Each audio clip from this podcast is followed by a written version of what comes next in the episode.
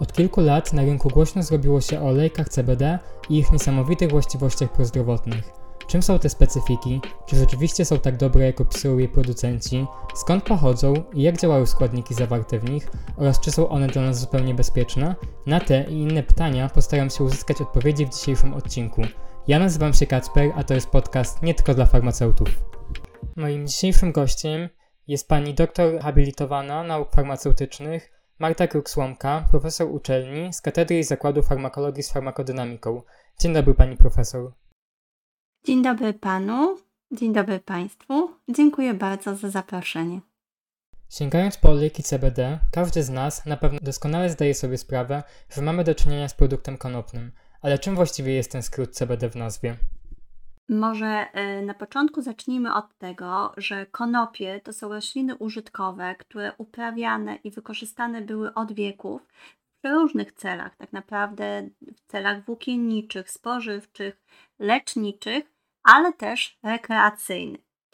I obecnie konopie i produkty konopne najczęściej kojarzą nam się z marihuaną, która jest zażywana w celach odurzających, i za ten efekt psychoaktywny odpowiada zawarta w konopiach substancja tetrahydrokanabinol, popularny THC. Ale THC jest tylko jednym z 85 obecnych w konopiach związków kanabinoidowych, właśnie fitokanabinoidów. I drugim po THC najlepiej przebadanym fitokanabinoidem, na którym tutaj zwracamy uwagę, jest CBD, czyli cannabidiol. I głównie THC i CBD odpowiadają za wszystkie efekty farmakologiczne związane z zażywaniem konopi. Obydwa te związki działają poprzez obecne w naszym organizmie receptory kanabinoidowe, które są częścią tak zwanego endogennego układu kanabinoidowego. A czy taki olejek może być otrzymywany z każdego rodzaju konopi i jakie właściwie mamy ich gatunki? Mm, jeśli rozmawiamy o konopiach w kategoriach czysto roślinnych, to przyjmujemy, że konopie to po prostu konopie, taka jedna roślina, która ma trzy odmiany: Indica, Sativa, ruderalis i ponad 700 szczepów. I oczywiście mamy odmiany bardziej żywiczne, bogate w THC, ale są odmiany, w których CBD będzie przeważającym fitokanabinoidem, a THC może być spotykany tylko w ilościach śladowych. Natomiast jeżeli chcemy poruszyć kwestię prawną i taką użytkową, czyli właśnie między innymi skąd i z jakich odmian otrzymujemy olejek CBD, to możemy zastosować taką uproszczoną klasyfikację. Wtedy dzielimy konopie na konopie włókniste i konopie indyjskie. Podział na konopie włókniste, czyli takie przemysłowe, użytkowe, i na konopie indyjskie, czyli tą potoczną marihuanę nie jest do końca naturalny, bo odnosi się do przedmiotu wykorzystania danej rośliny i jej profilu takiego fitochemicznego. Tak naprawdę konopie włókniste są pod odmianą cannabis sativa i te konopie właśnie włókniste charakteryzują się niskim stężeniem THC, a wyższymi stężeniami CBD. Natomiast konopie indyjskie to trochę taka synonimiczna nazwa na marihuanę, do której możemy zaliczyć cannabis indica, cannabis sativa i te odmiany z kolei są wykorzystywane do celów niemedycznych, takich odurzających, ale też do celów medycznych w celach leczenia wielu jednostek chorobowych. CBD, jak już wspomniałam, jest produkowany mm, w większych ilościach w konopiach włóknistych. E, surowcem w konopiach włóknistych, które zawierają najwięcej CBD, są kwiatostany roślin i ten olejek CBD to jest po prostu ekstrakt zawierający cannabidiol otrzymywany z konopi włóknistych z kwiatostanów. Z tym, że Chodzi tutaj o odpowiednią procedurę zastosowania, taka specjalna technologia ekstrakcyjna. Proces ekstrakcji CBD może być prowadzony z użyciem różnych technik i różnych ekstrahentów. Najbardziej wydajna i pozwalająca uzyskać ekstrakt o najwyższej zawartości CBD jest nadkrytyczna ekstrakcja z dwutlenkiem węgla. Używany jest także dwutlenek węgla w postaci stałej, czyli suchy lód. Stosuje się czasami również inne ekstrakcje z użyciem olejków, np. oliwy z oliwek albo z alkoholu. Y, możliwa jest ekstrakcja z użyciem innych rozpuszczalników organicznych jak heksan czy nafta. Jednak y, ze względu na ich negatywne oddziaływanie na organizm nie powinno się stosować tych rozpuszczalników do produkcji właśnie olejku CBD, który jest przeznaczony do takiego użytku wewnętrznego do człowieka ze względów typowo mm, bezpieczeństwa. A jakie inne substancje zawierają konopie i jak wpływają one na nasz organizm? I czy w olejku mamy również THC? Jak już wspomniałam, za wszystkie korzystne i niekorzystne efekty związane z użytkowaniem konopi odpowiadają specyficzne substancje biologiczne czynne, czyli fitokanabinoidy, wspomniany CBD i THC, które działają przez tak zwany endogenny układ kanabinoidowy. Najważniejszymi składowami endogennego układu kanabinoidowego są receptory kanabinoidowe, receptor kanabinoidowy typu 1 oraz receptor kanabinoidowy typu 2, oraz e, endogenne kanabinoidy, tak zwane endokanabinoidy, które są naturalnymi ligandami dla receptorów kanabinoidowych. Receptory kanabinoidowe występują najpowszechniej w organizmie ludzkim, co tłumaczy wielokierunkowe działanie tych związków na nasz organizm. I zanim omówimy, jaki wpływ mają te związki kanabinoidowe na nasz organizm, może warto chwilę zatrzymać się nad samymi receptorami kanabinoidowymi, bo rozmieszczenie tych kanabinoidów ściśle koreluje z efektami farmakologicznymi, które wywierają związki właśnie kanabinoidowe, zawarte między innymi w konopiach. Receptory CB1 zlokalizowane są głównie ośrodkowo w ośrodkowym układzie nerwowym. Najwięcej znajduje się ich w korze przedczołowej, w hipokampie, w ciele migdałowatym, w muszczku, w istocie czarnej, w jądrach bezolimbicznym, w przysadce, w podzgórzu, ale także poza takim działaniem ośrodkowym, poza obecnością w ośrodkowym układzie nerwowym, CB1 receptory odkryto także w płucach, adipocytach, kardiomiocytach, e, komórkach pęcherza moczowego czy komórkach przewodu pokarmowego. I pobudzenie receptorów typu CB1 działa e, modulująco na uwalnianie wielu neuroprzekaźników, na e, uwalnianie kwasu gamma-aminosłowego, na uwalnianie acetylocholiny, dopaminy, histaminy, serotoniny, peptydów opioidowych, prostanoidów. W związku z tym mm, pobudzenie receptorów kanabinoidowych typu CB1 będzie modulować wiele fizjologicznych procesów w naszym organizmie, więc będzie wpływać na aktywność psychotyczną, wpływać na regulację bólu, na formowanie się szlaków pamięciowych, na kontrolę motoryczną i wiele, wiele innych procesów. Z kolei receptory CB2 zlokalizowane są głównie w tkankach peryferyjnych, czyli w szczególności mm, spotykać je można w układzie limbicznym, w limfocytach, limfocytach typu B i T, monocytach, leukocytach, mastocytach, makrofagach i taką lokalizację receptorów CB2 można tłumaczyć wpływ tych receptorów, wpływ ligandów działających poprzez te receptory na działanie właśnie immunosupresyjne po kanabinoidach.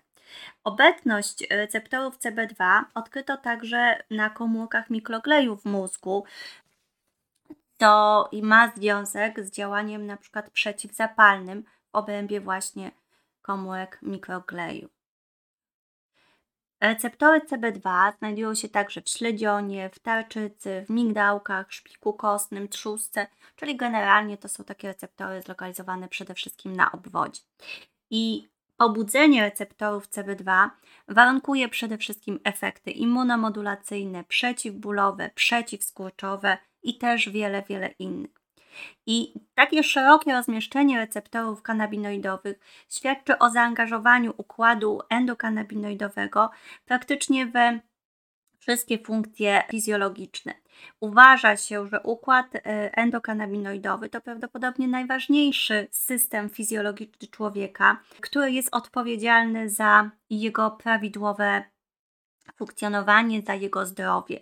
Odpowiada przede wszystkim za regulowanie homeostazy organizmu, a co za tym idzie, regulację wielu procesów fizjologicznych, regulację motoryki przewodu pokarmowego, nastroju, snu, wpływa istotnie na procesy uczenia się i pamięci, mm, działa odpowiada za reakcje właśnie bólowe, działa przeciwbólowo, usprawnia procesy termoregulacji, wpływa na kontrolę krwi, na kontrolę ciśnienia krwi, wpływa na koordynację ruchową, wzmaga układ nerwowy i wiele, wiele innych. I teraz właśnie te fitokanabinoidy, które są obecne w konopiach, działają na receptory kanabinoidowe, właśnie CB1 i CB2, y, będące częścią składową układu endokanabinoidowego. No i fitokanabinoidy mogą działać dwukierunkowo, bo mogą wpływać agonistycznie, czyli pobudzająco, albo hamująco, a więc antagonistycznie wobec receptorów kanabinoidowych. Z dwóch najważniejszych substancji, które zawierają konopie, to jest właśnie THC i CBD. THC wykazuje podobne powinowactwo do receptorów kanabinoidowych CB1 i CB2. Szczególnie e, te działanie agonistyczne obserwujemy do receptorów CB1 zlokalizowanych ośrodkowo. I poprzez ten wpływ ośrodkowy najsilniej THC oddziałuje na korę mózgową. Jest odpowiedzialny właśnie za to poprawę samopoczucia, za te pożądane przez użytkowników marihuany efekty psychoaktywne, halucynacje, euforię, za taki stan e, odurzenia, mm, poprawy nastroju, tego popularnego haju, tak, po który sięgają użytkownicy w celach takich właśnie rekreacyjnych. Ale THC wykazuje również właściwości przeciwbólowe i neuroprotekcyjne, o których nie wolno zapominać i które są wykorzystywane w mm, medycynie właśnie w celach medycznych. Cannabidiol z kolei wykazuje większe powinowactwo do receptora CB2 niż do receptora CB1. Działa antagonistycznie wobec receptora CB1 i jest odwrotnym agonistą receptora CB2, przez co po pierwsze nie będzie miał właściwości psychoaktywnych. Wydaje się więc bardziej bezpieczny tym kontekście w porównaniu do THC. Dodatkowo cannabidiol e, ma bardzo dużo mm, korzystnych takich efektów farmakologicznych, o których będę jeszcze Państwu opowiadać. Działa przeciwdykawkowo, przeciwzapalnie, uspokajająco, przeciwwymiotnie, co mm, z kolei warunkuje właśnie wykorzystanie cannabidiolu e, czy jako związku, czy jako właśnie składnika w olejku e, CBD w celach medycznych. Natomiast odpowiadając na drugą część Pana pytania, czy w olejku CBD mamy również THC, zaznaczam na początku, że olejek CBD to produkt konopny przede wszystkim o bardzo dużej zawartości cannabidiolu, a bardzo małej e, zawartości THC. Pamiętajmy, że jest pozyskiwany z konopi włóknistych, które charakteryzują się niskim stężeniem THC, a wyższymi stężeniami CBD. I według norm prawnych obowiązujących w Polsce od 24 marca 2022 roku limit dopuszczalny stężenia THC w konopiach włóknistych, czyli właśnie tych, z których otrzymujemy olejek CBD, to zazwyczaj 0,2-0,3%. I w związku z tym konopie włókniste nie mogą zawierać więcej niż ten dopuszczalny mm, dopuszczalna ilość THC, a więc nie więcej niż 0,3%, co czyni z jednej strony uprawę konopi włóknistych całkowicie legalną, w celach oczywiście uprawy, w celach takich ym, przemysłowych, w celu otrzymywania olejku CBD, no i y, jak najbardziej bezpieczną, tak, bo nie mamy tutaj wysokiego stężenia THC. Zatem, jakie właściwości lecznicze mają olejki CBD i kiedy tak naprawdę warto je stosować? Czy każdy z nas może po nie sięgać, czy jednak powinniśmy je zażywać, kiedy dokuczają nam jakieś konkretne dolegliwości? Po pierwsze, tak jak wspominałam już, w odróżnieniu od THC, cannabidiol nie ma właściwości psychoaktywnych i jest e, dużo bezpieczniejszy. Jeśli chodzi o efekty farmakologiczne i tego, co możemy oczekiwać po olejku y, CBD, y, to pamiętajmy, że Mm, ma powinowactwo do receptorów i CB1 i CB2 i może oczywiście regulować bardzo dużo funkcji fizjologicznych, przede wszystkim sen, pamięć, apetyt, odczuwanie bólu. Są liczne badania naukowe, które potwierdziły szereg działań pozytywnych właśnie po podaniu cannabidiolu. To są badania przedkliniczne, badania kliniczne, które wskazały na działanie przeciwpsychotyczne, przeciwnowotworowe, neuroaktywne, mm, immunologiczne, e, przeciwwymiotne, przeciwzapalne, przeciwbólowe, przeciwpadaczkowe e, i wiele, wiele innych właśnie po zastosowaniu cannabidiolu. Jak już wspomniałam, cannabidiol jest jednym z najlepiej przebadanych fitokanabinoidów. No i oczywiście ten taki korzystny wpływ na różne funkcje naszego organizmu, sugeruje możliwość zastosowania cannabidiolu w wielu schorzeniach, takich jak na przykład ból, pogorszenie apetytu, w łagodzeniu nudności, w depresji, w zespole stresu pourazowego, w schizofrenii, w zaburzeniach lekowych, w zaburzeniach snu, w chorobach neurodegeneracyjnych, na przykład choroba Alzheimera. Mówi się o pozytywnym wpływie na e, przebieg leczenia marihuany, od marihuany właśnie, e, czyli od THC. Mm, korzystny wpływ na e, leczenie wielu padaczek, także możliwości zastosowania cannabidiolu są ogromne. Ale muszę tutaj zaznaczyć jedną rzecz, że tylko działanie przeciwpadaczkowe, z wszystkich działań, które wymieniłam po zastosowaniu cannabidiolu, tylko działanie przeciwpadaczkowe cannabidiolu zostało potwierdzone odpowiednio liczebną ilością e, dużych badań klinicznych. I te, y, tak duża liczebność tych badań, e, metaanalizy tych badań, to wszystko doprowadziło do tego, że w listopadzie 2018 roku Amerykańska Agencja do Spraw Żywności i Leków dopuściła pierwszy i jedyny jak dotąd lek zawierający cannabidiol. Jest to lek Epidiolex, podawany w postaci płynu doustnego. On zawiera taką wystandaryzowaną dawkę y, cannabidiolu, taką terapeutyczną dawkę, bodajże 98-99% właśnie cannabidiolu w tym leku. I jest to lek zarejestrowany do leczenia padaczek opornych na dwa takie typy padaczek, które mm, nie są, nie podlegają efektywnemu leczeniu y, dostępną farmakoterapią. Natomiast wszystkie pozostałe wspomniane efekty cannabidiolu są oczywiście badane, potwierdzone i w badaniach przedklinicznych, albo są w fazie badań klinicznych i wyniki są jak najbardziej obiecujące, ale nie ma jeszcze twardych, odpowiednio liczebnych danych pochodzących przykład z metaanaliz, żeby w 100% ten efekt potwierdzić.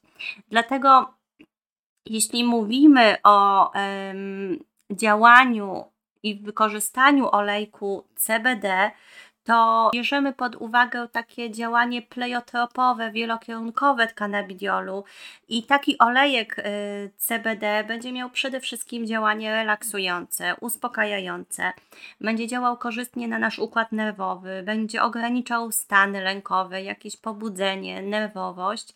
I wskazaniami do stosowania olejku CBD są przede wszystkim nerwice, lęki, bezsenność u osób, którzy chcą poprawić e, swoją jakość snu. Wskazany jest także jako środek regulujący apetyt, poprawiający wydolność organizmu, ogólną odporność.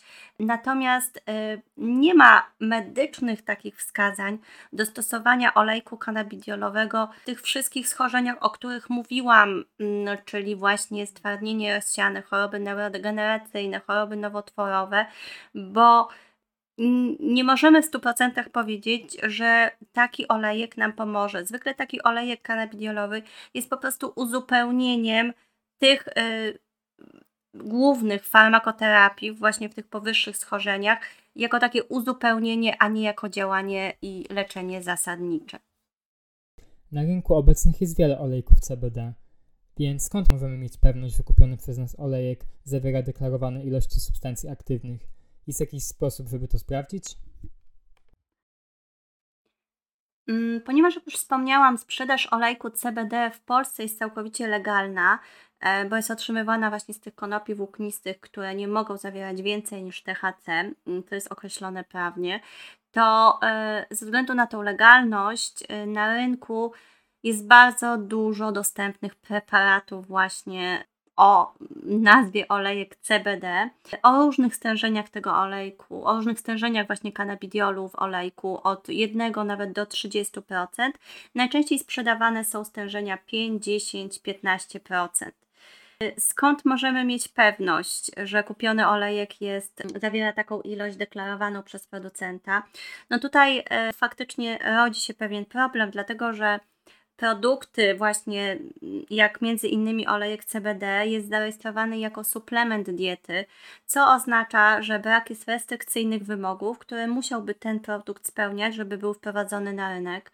E, często takie produkty są wytwarzane i dystrybuowane bez takiego nadzoru regulacyjnego, a zawartość składniki jest niezweryfikowana. E, ograniczona też jest kontrola suplementów. Te, które znajdują się w obrocie, też nie mają jakby narzuconej konieczności kontroli składu. Co w praktyce to oznacza? Oznacza to w praktyce, że producent każdego suplementu, między innymi też olejku CBD, musi tylko zadeklarować określoną ilość substancji czynnej, co nie jest weryfikowane i takim też e, niebezpiecznym efektem takiej mm, produkcji suplementów jest to, że są one dostępne nie tylko w aptekach, ale również w sklepach mm, ziołowych, kosmetycznych, czasami na stacjach benzynowych, czasem w sklepach właśnie mm, internetowych, co rodzi duże obawy co do bezpieczeństwa stosowania. I z tego powodu e, FDA, czyli Amerykańska Agencja do Spraw Żywności i Leków wydała dwie serie już listów ostrzegawczych skierowanych właśnie do nieuczciwych producentów. Wybierając więc preparat z cannabidiolem, olejek CBD, powinniśmy zwrócić uwagę na kilka istotnych aspektów w kontekście oczywiście wypuszczenia do sprzedaży takiego produktu. E, pierwszy ważny aspekt, y, o którym wspominałam na początku, to jest sposób pozyskiwania olejku z CBD. Najbezpieczniejszy dla konsumenta jest to sposób ekstrakcji tym nadkrytycznym dwutlenkiem węgla, nie używając żadnych innych rozpuszczalników. E, wszystkie preparaty, które zawierają domieszki cannabidiolu, e, który był otrzymywany właśnie na drodze ekstrakcji jakimiś innymi trującymi rozpuszczalnikami organicznymi, powinny być przez konsumentów unikane no, ze względów toksykologicznych. Pamiętajmy również, co jest ważne, że mm, konopie są roślinami, które y, rosną w glebie. Więc rosnąc w glebie, konopie chłoną wszelkiego rodzaju y, substancje, które się w tej glebie właśnie znajdują. I szczególnie chętnie konopia kumuluje różnego rodzaju składniki w kwiatostanach, a z kwiatostanów przede wszystkim izolujemy właśnie cannabidiol. I uprawiane w złych warunkach konopie, na przykład na zanieczyszczonej glebie, mogą w tych kwiatostanach gromadzić pestycydy, bakterie, metale ciężkie jak arsen, ołów, kadm, rtęć, e, drożdże, pleśnie, co oczywiście też przekłada się na bezpieczeństwo. Więc e, kolejne ważne jest oprócz metody otrzymywania kanabidiolu, olejku CBD, jest też z jakiej rośliny, z jak czystej konopi ta ekstrakcja będzie prowadzona. I kolejnym aspektem jest deklarowane stężenie kanabidiolu. Dlatego w kontekście zarówno stężenia, jak i jakości rośliny, czystości rośliny, e, ważny jest tak zwany certyfikat jakości. Jest to dokument potwierdzający deklarację zawartości składnika albo składników e, aktywnego i taką deklarację musi złożyć producent. I taki certyfikat, który potwierdził, że ten deklarowany przez producenta skład faktycznie znajduje się w produkcie wypuszczonym na rynek, taki certyfikat powinien być wydany przez niezależny organ, powinien być opatrzony odpowiednimi e, znamionami, na przykład podpisem osoby, która wykonała badanie, albo przykład informacją o jaka metoda badawcza została zastosowana do wyizolowania tego olejku CBD. Szczególnie też ważne jest, aby taki certyfikat poświadczał, że w danym produkcie nie znajdują się żadne substancje nielegalne, czyli właśnie, że nie mamy tego zanieczyszczenia THC, tak? Co by stworzyło preparat już nielegalnym, bo nie może być więcej niż 0,3 THC, e, albo że są jakieś składniki niewiadomego pochodzenia.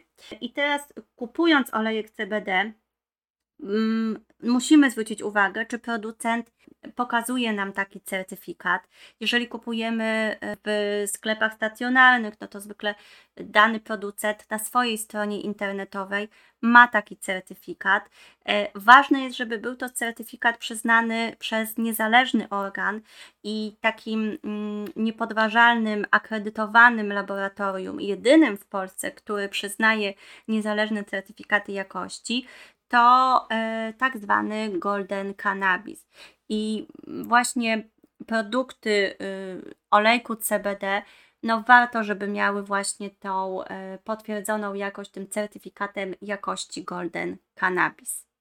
Zamykając temat olejków, chciałbym spytać, czy są one zupełnie bezpieczne dla każdego i czy są jakieś przeciwwskazania w stosowaniu ich? Mm, jak już wspomniałam, produkty, które zawierają y, CBD, czyli właśnie między innymi y, olejki CBD, są przede wszystkim rejestrowane jako suplementy diety, co wpływa na, y, na to bezpieczeństwo, więc jeśli wybieramy i chcemy wybrać bezpieczny preparat z olejku CBD, no to oczywiście e, szukamy takiego preparatu, e, który e, ma certyfikat jakości. To znaczy, że ma deklarowane stężenie kanabidiolu, taki jaki w swoim produkcie, taki jak deklaruje producent. I teraz tak, to jest bardzo ważne, dlatego że zbyt wysokie stężenie kanabidiolu y, albo zbyt niskie, no będzie nam się po pierwsze przekładać w osiągnięciu pożądanych efektów terapeutycznych, które chcemy uzyskać y, i Mm, stwarza większe ryzyko działań niepożądanych, tak, jeżeli są to wysokie stężenia. Dalej, jeżeli wybieramy y, taki olejek CBD, no to oczywiście dopasujemy stężenie do naszych potrzeb i do stopnia mm, wskazania, w jakim celu chcemy ten olejek CBD zastosować. Takie nisko stężone preparaty, czyli na przykład 5%, 2, 3, 5% będą odpowiednie dla osób początkujących, natomiast e, wyższe stężenia, czyli 10, 20, e, będą wygodniejsze mm, dla osób, które już stosowały kiedyś taki olejek CBD i ta tolerancja jest już wysoka na cannabidiol. E, no i oczywiście wówczas wysokie stężenia mm, olejku CBD będą się e, przekładać na mniejszą ilość kropli tak, e, tego suplementu. Przede wszystkim też zwracamy uwagę, żeby dobrać dawkę CBD do masy ciała, do ogólnego stanu psychofizycznego pacjenta i oczywiście do ewentualnego wskazania medycznego. Zaznaczam, mm, że cannabidiol jako substancja jest uznana za substancję bezpieczną. E, oczywiście kwestia bezpieczeństwa e, u pacjentów, którzy regularnie przyjmują olejek CBD, związana będzie z preparatem, który przyjmują, a więc mm, olejek CBD powinien być otrzymywany drogą właściwej produkcji, tak, czyli wspomniane te certyfikaty jakości. A drugą ważną rzeczą jest też droga przyjmowania takiego olejku CBD. Najczęstszą metodą przyjmowania jest forma płynna czyli mamy olejek CBD i taką kropelkę olejku e, albo dwie krople aplikuje się pod język, e, stamtąd przez błonami śluzowymi szybko jest chłonięta substancja aktywna do krwiobiegu. I taka metoda jest najbezpieczniejszą, też najczęstszą e, formą stosowania olejku CBD mm, i dosyć szybko działającą, bo mamy tutaj szybkie wchłanianie. I w ten sposób możemy przyjmować olejek CBD dosyć długo.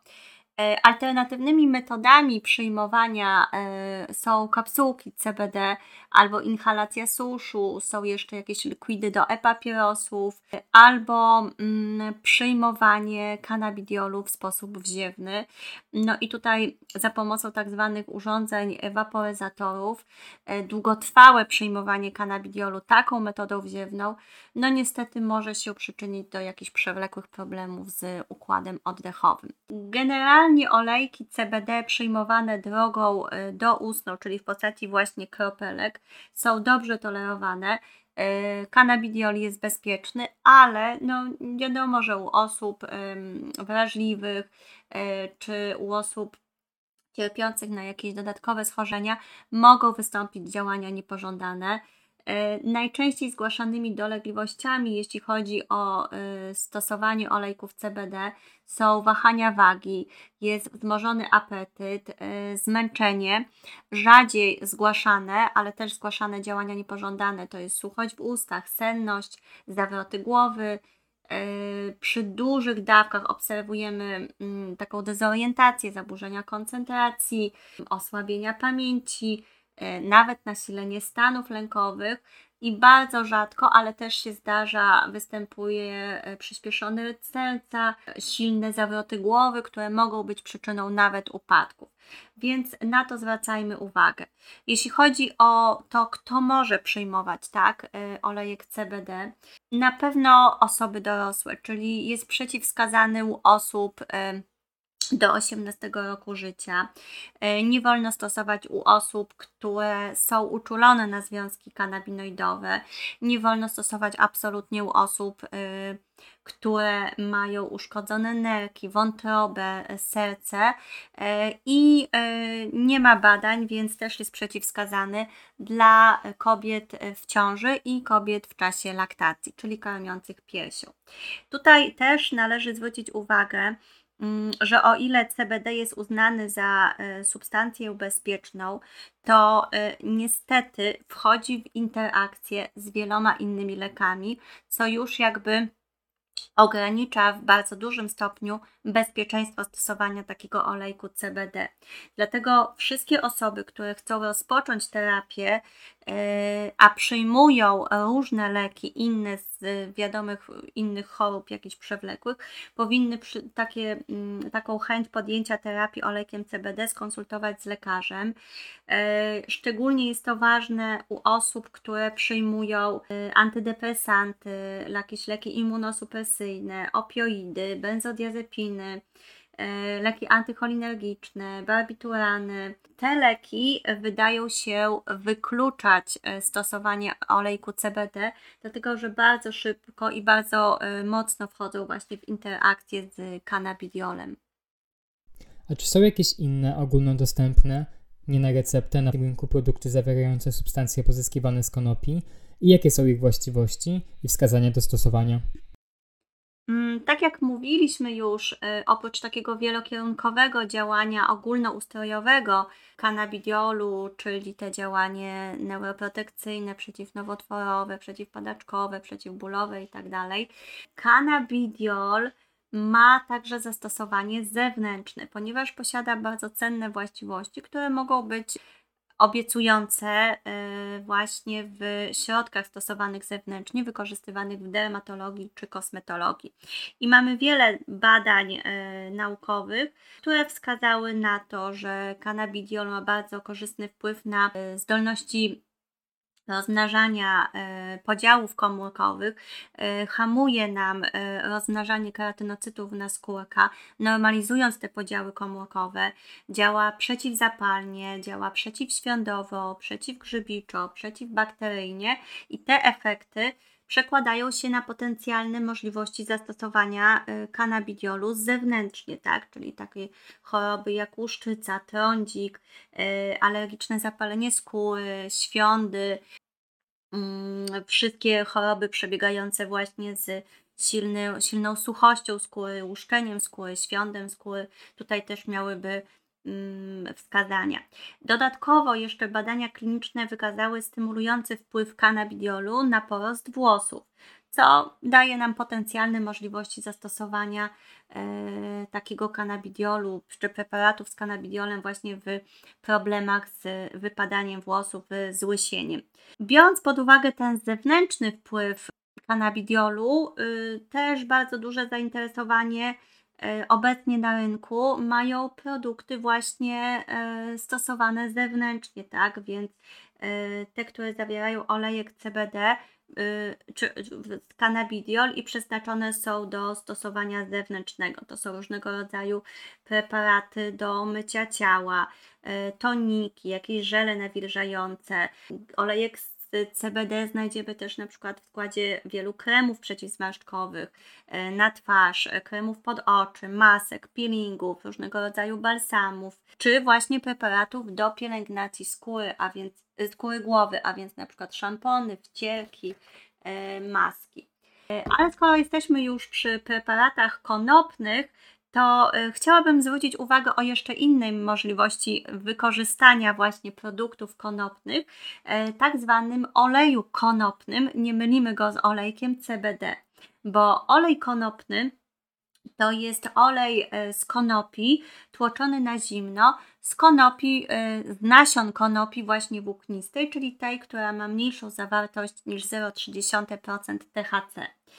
I teraz taki olej yy, z konopi, tłoczony właśnie z tych nasion, oprócz związków kanabinoidowych, zawiera wiele cennych innych składników, takich jak na przykład wysoko, wysokie stężenie witamin, szczególnie witamin rozpuszczalnych tłuszczek, czyli typu A, D, E, K, zawiera nienasycone kwasy tłuszczowe, na przykład kwas linolowy, yy, oleinowy, zawiera terpeny, karotenoidy, E, fitosterole, fosfolipidy i bardzo dużo składników mineralnych i odżywczych. I tutaj zastosowanie właśnie takiego oleju przede wszystkim ogranicza się do e, przemysłu spożywczego, czyli jest stosowany jako dodatek do e, sałatek, do różnego rodzaju produktów, ze względu na takie swoje właściwości odżywcze. Mm, wykorzystywane są, zwłaszcza ta obecność y, nienasyconych kwasów tłuszczowych, do obniżenia poziomu cholesterolu, e, czy tak prewencyjnie właśnie w y, zapobieganiu y, powikłaniom choroby wieńcowej czy miażdżycy. Ten olej, ten konopny, ma też szczególne znaczenie w dermatologii i kosmetologii, ponieważ ma swoje właściwości duże redukujące świąt, natłuszczujące, e, redukuje nadmierność suchość skóry, co też będzie miało zastosowanie w leczeniu e, atopowego zapalenia skóry, łuszczycy czy innych dermatos, które przebiegają z suchością skóry. E, no i na koniec jeszcze nie sposób nie wspomnieć o tak zwanej żywności konopnej. E, żywność konopna to są produkty spożywcze zawierające konkretne części konopi włóknistej. Tak, znowu podkreślam, że jest to konopia włóknista. I tutaj do takiej żywności konopnej zaliczamy wspomniane nasiona konopi włóknistej, które są bogatym źródłem mm, na przykład pełnowartościowego białka, więc mogą stanowić taki samodzielny dodatek do różnych dań, e, do musli, do płatków e, kukurydzianych. Do żywności konopnej zaliczymy wspomniany olej konopny, e, który sprawdza się właśnie jako dodatek do produktów spożywczych. I warto tutaj wiedzieć, że taki olej konopny, on nie nadaje się do gotowania czy smażenia w wysokich temperaturach, więc przede wszystkim będziemy go używać właśnie jako dodatek do sałatek. E, I jeszcze do żywności konopnej możemy zaliczyć susz, e, który mm, jest składnikiem mieszanek herbacianych, e, kaw, składnikiem takich mieszanek do inhalacji, ale taki susz można go dodać też jako mm, dodatek do sałatek czy, czy właśnie innych produktów spożywczych. Także mm, produkty konopne to nie tylko olejek CBD, ale też wiele takich właśnie dodatkowych produktów otrzymywanych z konkretnych e, części konopi włóknistej i też mają bardzo e, korzystne właściwości prozdrowotne dla naszego organizmu. Chciałbym podziękować Pani Profesor za ciekawą rozmowę. Mam nadzieję, że rozwialiśmy wszystkie wątpliwości dotyczące olejków CBD. I do usłyszenia w kolejnym odcinku podcastu Nie tylko dla farmaceutów. Mm, ja również dziękuję Panu, dziękuję Państwu za uwagę. Do usłyszenia.